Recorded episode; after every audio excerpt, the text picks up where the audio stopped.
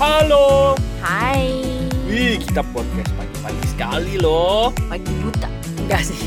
Enggak buta banget. Siapa yang menamai pagi buta ya? Karena pagi-pagi Masih gelap yang subuh. Ini mah udah pagi terang. Ini pagi Melek. eh, apa? Rabun. Pagi sendu. Kalau rintik sendu tuh. Apa sih? mendung, Bukan. mendung gimana gitu suram. Kayaknya warnanya tuh abu-abu kalau digambarkan. Iya, ini kalau paling enak tuh Hmm. udara kayak gini tidur lagi. Ya nggak sih? iya, Suara kita masih suara tidur nggak ya? suara bantal. Hmm, iya kayaknya ya. Nggak apa-apa lah ya. Gak apa-apa. Episode 277 ya? Ush, tepat sekali. Walaupun pagi-pagi baru bangun ternyata benar. Aduh. Tuh kan? Masih mau ngulet-ngulet. iya, gitu. Nah, kita mau ngobrol soal Kita eh apa ya? etis nggak apa sih kalau kita cerita? Nggak apa-apa lah ya. Eh, nggak apa-apa kali ya. Kan Jadi- namanya disamarkan. Malah nggak sebut nama. Oh iya. iya. Jadi, Jadi- ceritanya Kita punya temen, mm-mm. teman sepermainan. kita punya temen dan kemarin bapaknya Mm. itu berpulang, Mm-mm. meninggal lah Hmm. kemarin itu dan kita udah tahu lama emang udah sakit. Mm-mm.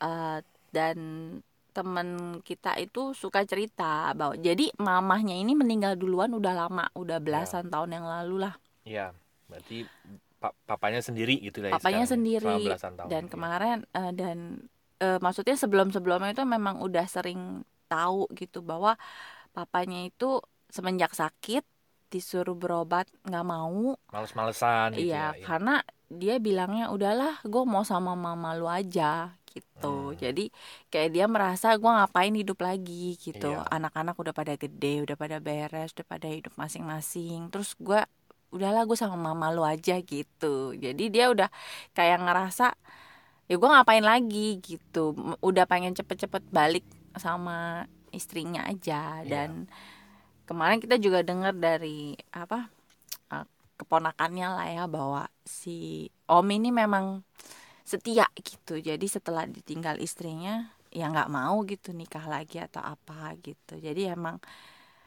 pengennya bareng-bareng lagi bareng-bareng lagi gitu. Dan gue bilang sama Ari gimana ya kalau orang udah nggak punya alasan hidup gitu? Hmm.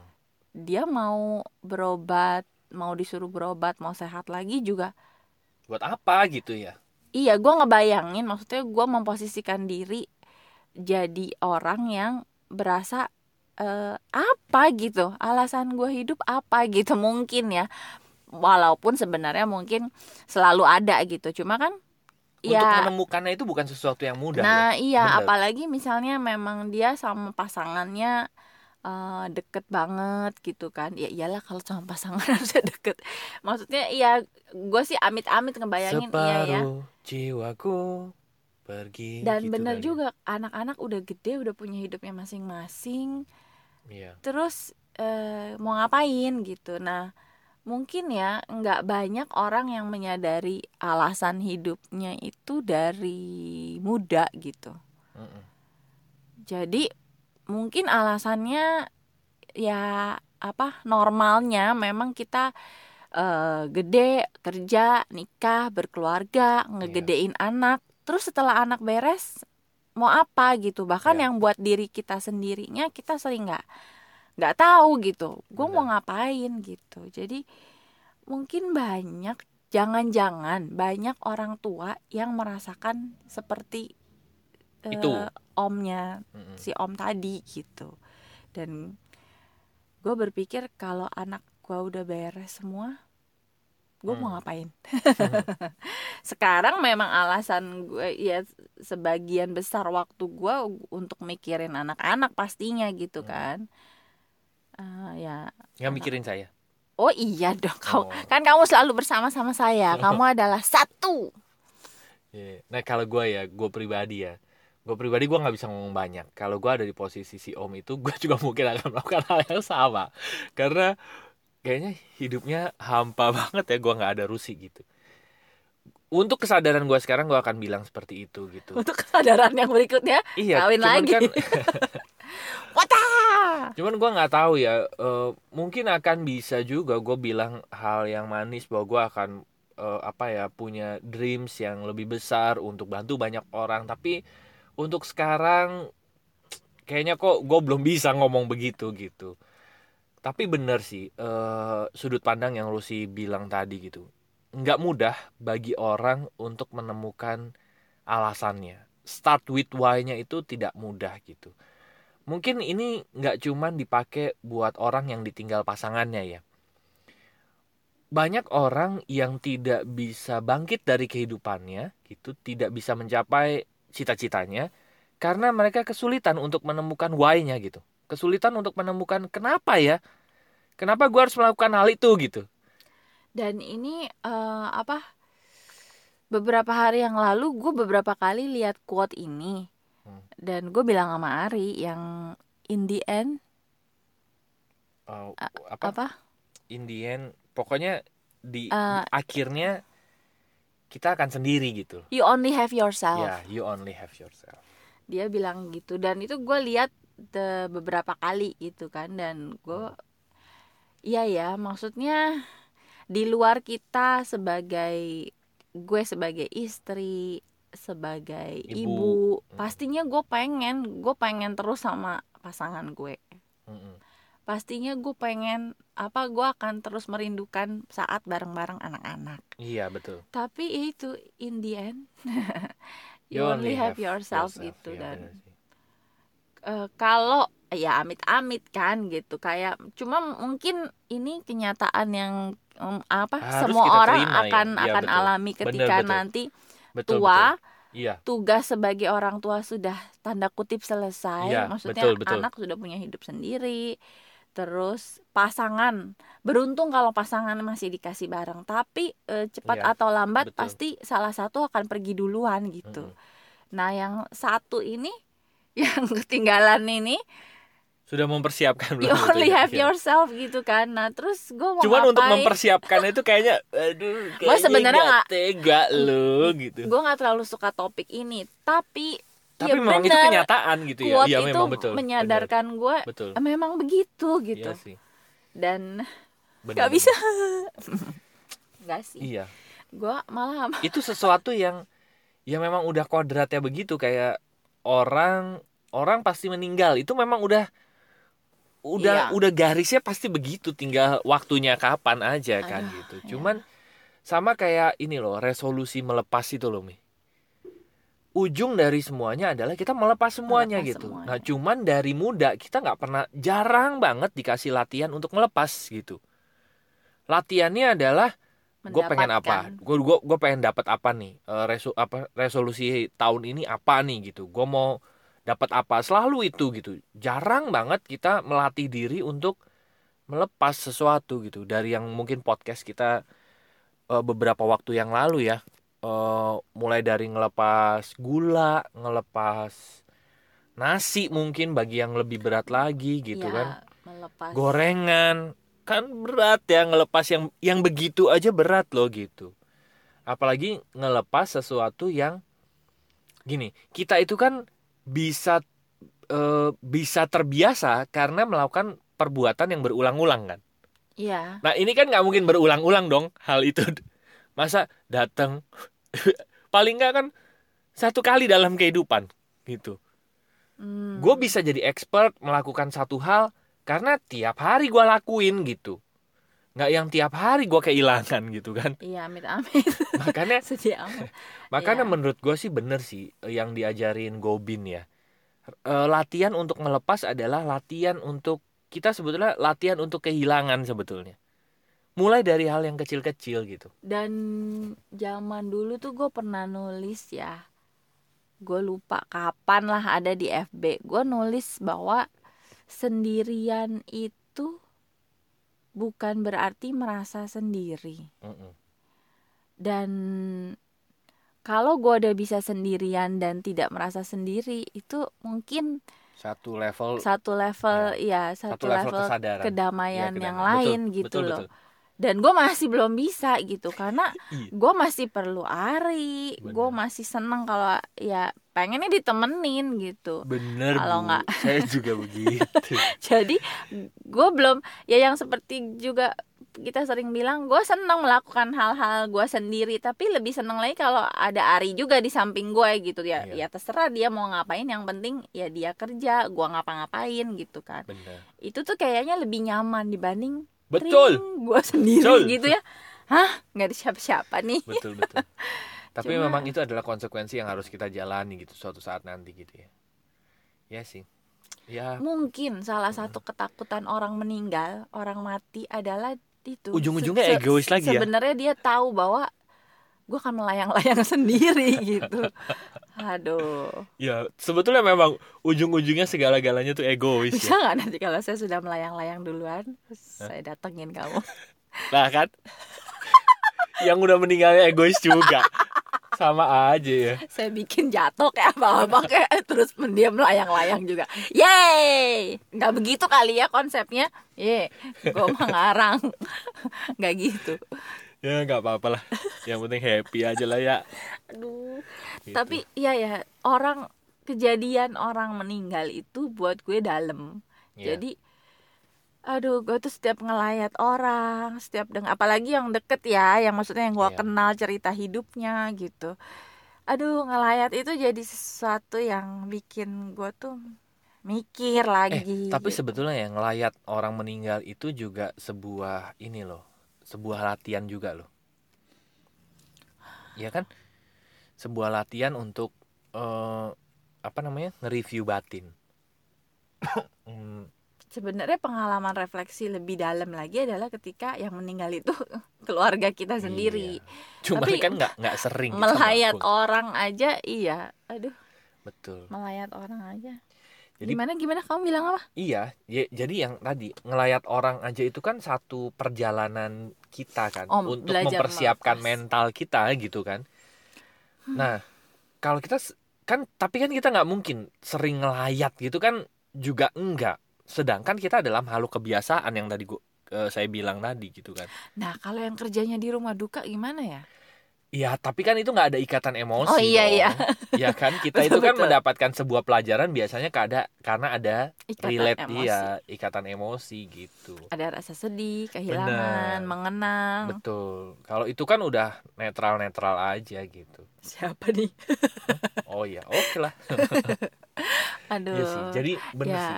Gue pribadi ya ada ada dua hal yang gue refleksi buat gue gitu ya.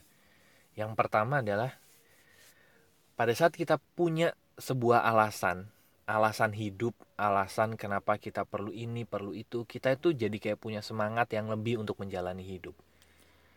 Dan yang yang tidak mudah adalah untuk menemukan alasan itu gitu. menemukan tujuan diri kita yang benar-benar diri kita ya Betul. di luar hubungan Betul. kita dengan orang lain. Benar. Memang iya gue punya tujuan sebagai istri, gue punya tujuan Betul. sebagai ibu. I- ingin membahagiakan orang lain yang Iya. kita cintai tadi itu kan Eh, ya eh, gitu betul. Tapi seberapa sering gue nanya diri gue, Iya. lu gue, kita nih, Heeh.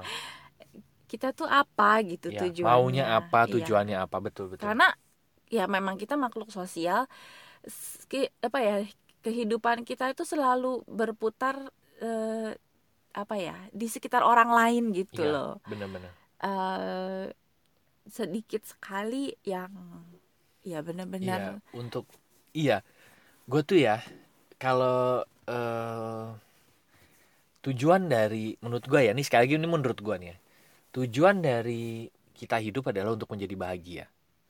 Dan Untuk bahkan untuk menjadi bahagia kin eh bahagia untuk menjadi bahagia pun kita perlu belajar loh. Ini menurut gua sesuatu yang lucu loh. Gua nggak belajar untuk eh gua nggak bilang menjadi senang ya, tapi menjadi bahagia. Menjadi bahagia itu kan sebetulnya kita yang menjadi bahagia. Bahagia itu kan dari dalam. Gue dikasih makanan misalnya, gua seneng. Apakah gua bahagia? Jawabannya belum tentu. Karena bahagia itu pancaran dari dalam gitu. dan gini ya gue tiba-tiba baru menyadari bahwa ketika kita punya tujuan untuk diri sendiri Mm-mm. itu justru lingkarannya akan meluas. Gimana Maksudnya tuh? gini, kalau selama ini kita hidupnya cuma untuk orang-orang yang ada punya ikatan emosi ya, eh, pasangan, orang tua, anak, saudara, teman. Tapi ketika kita balik lagi ke tujuan diri, kenapa kita ada di dunia, Hmm. itu jadi luas. Oke. Maksudnya kayak jadi kita tuh punya peran yang Hmm. untuk berbagi keluar, nggak Iya. cuma sebagai istri, nggak cuma sebagai ibu. Itu kan lingkarannya bisa dibilang kecil kan. Mm-mm. Tapi ketika kita balik ke dalam, Iya, kita menyadari bahwa ada alasan nih kenapa gue lahir, kenapa gue Iya. ada. betul. Itu sebenarnya lingkarannya jadi gede. Betul. Karena kita jadi mikirin manfaat gue apa dan dengan Hmm. manfaat gue itu bisa jadi kita menjangkau orang-orang yang di luar lingkaran kecil tadi. Mm-mm. Kita jadi ya kalau orang nulis aja misalnya, itu kan dia jadi menjangkau orang-orang yang sebelumnya dia nggak kenal. Betul, betul. Terus orang yang ternyata hidupnya senang bantu orang, itu kan berarti dia keluar dari lingkaran ininya. Iya, iya, iya. Jadi gue berkesimpulan untuk saat ini mungkin itu ya eh, Perjalanan ke justru dalam ketika itu kita ke dalam Iya. lingkaran pengaruh kita akan makin gede ya. Hmm. dan ketika lingkarannya makin gede tujuan-tujuan hidup alasan-alasan hidup itu jadi akan lebih banyak gitu Hmm, hmm, karena kita nggak cuma memusatkan hidup kita pada lingkaran kecil gitu hmm. Ya benar. Betul, betul, betul, betul. Cuman untuk bisa masuk ke dalam Nah. dan menemukan bahwa Iya. kita punya panggilan itu gitu kan. itu Itu kan itu bukan yang iya itu ya memang itu perjalanannya gitu. iya Gua ya, nih ya. Gua pasca bedah bukunya Om Bud, itu gua udah ketemu tiga contoh nih yang akhirnya bisa meninggalkan legacy legacy gitu ya. Pertama Kairil Anwar. Gue baru tahu dari Om Bud dia meninggal di usia 26 ya. Iya. Tapi di usia 26 dia sudah meninggalkan karya apa? Puisi-puisi gitu ya. Eh, syair-syair yang sampai sekarang melegenda. Nah, ya kan? Aku. binatang eh aku yang itu ya aku binatang jalan gitu Iya. ya. Itu. Terus kemarin Kobe Bryant Iya. usia 41 tapi eh, kemarin eh, Rusi cerita kita punya teman teman kita lagi ke Amerika satu bulan dan dia cerita waktu Kobe Bryant meninggal itu sepanjang jalan di eh, Amerika. Gua nggak tahu dia lagi ada di mana sih New York Las Vegas. Nggak tahu nggak tahu. di mana. Itu pokoknya dia bikin story. itu dia bikin iya. story dan sepanjang jalan screennya itu Kobe Bryant Kobe gitu. Bryant semua. Terus di situ orang-orang lagi kayak pada berdiri apa? Mengenang lah ya. Berdiri Mengheningkan cipta kayak ya. memberi penghormatan gitu. Gila ya. Um, gue sampai itu dua. Yang ketiga kemarin gue baca ceritanya Daan Mogot. Oke. Daan Mogot kamu tahu meninggal usia berapa? Dan Mogot tuh nama orang. Daan Mogot ja- di jalan itu loh. Iya. itu pahlawan nasional. Loh. oh sorry ya. Jadi dia pahlawan nasional dia meninggal di usia 17 tahun. Hah? 17 tahun. Apa yang membuat dia jadi begitu melegenda ya? impact gitu iya ya? jadi si Daan Mogot itu gue lupa umur 14 apa 16 dia itu salah satu pendiri akademi militer Indonesia gitu gue Muda lupa banget. di mana ya eh, persisnya terus ada jadi dia itu salah satu pemimpin pasukan Daan Mogot itu Uh. gitu keren ya dan gue pikir gila ya gitu usia 17 tahun dan dia meninggal gara-gara waktu itu mau perundingan dengan Jepang mau gencatan senjata ceritanya hmm. Dan ternyata pas genji, apa pas eh, perundingan itu tiba-tiba ada meletus. Jadi ada yang nembak begitu terus saling nggak percaya kan? Iya. Terus jadi tembak-tembakan gitu. Terus dia meninggal. Ditembak sama se- ketembak. iya serdadu Jepang. Dia ditembak di kaki sama di dada terus ditembakin sama eh, Jepang gitu. Tapi ini gue udah dapat tiga nih bahwa ada di usia yang sangat muda itu gila ya mereka bener-bener Daan Mogot legenda banget sampai sekarang jalan Daan Mogot itu kan. Dan itu akademi militernya memang di situ nih di Ah. dekat-dekat jalan Daan Mogot itu katanya gitu. Nah ada satu kalimat yang sampai sekarang gue masih inget dan ditulis oleh si Ernest Ernest Prakasa waktu Mm-mm. Kobe Bryant meninggal. Ernest bilang begini terima kasih udah sudah mengingatkan kami bahwa hidup itu bukan soal durasi tapi soal kontribusi. Gile keren banget ya. Apa namanya? Eh satu kalimat itu benar-benar iya ya pada saat orang udah bisa memberikan kontribusinya sebetulnya orang-orang itu kenapa disebut legend? Karena mereka sudah menjalani perjalanan ke dalam begitu jauh gitu. Dan memang tidak mudah tidak semua orang bisa berjalan sebegitu jauh Iya. makanya ada orang yang bisa jadi legend di usia-usia mudanya mereka. Mungkin di kehidupan sebelumnya mereka sudah berjalan jauh sekali kali ya. Tapi lucu ya, makin dalam ternyata keluarnya makin gede gitu. Iya betul. Lingkarannya. betul-betul bukan soal durasi tapi soal kontribusi. Keren ya. Hmm. gitu. Ya begitulah teman-teman. Jadi Ini apa pengaruh juga suasananya? Sendu suram begini, dingin dingin. Dingin-dingin empuk. aduh.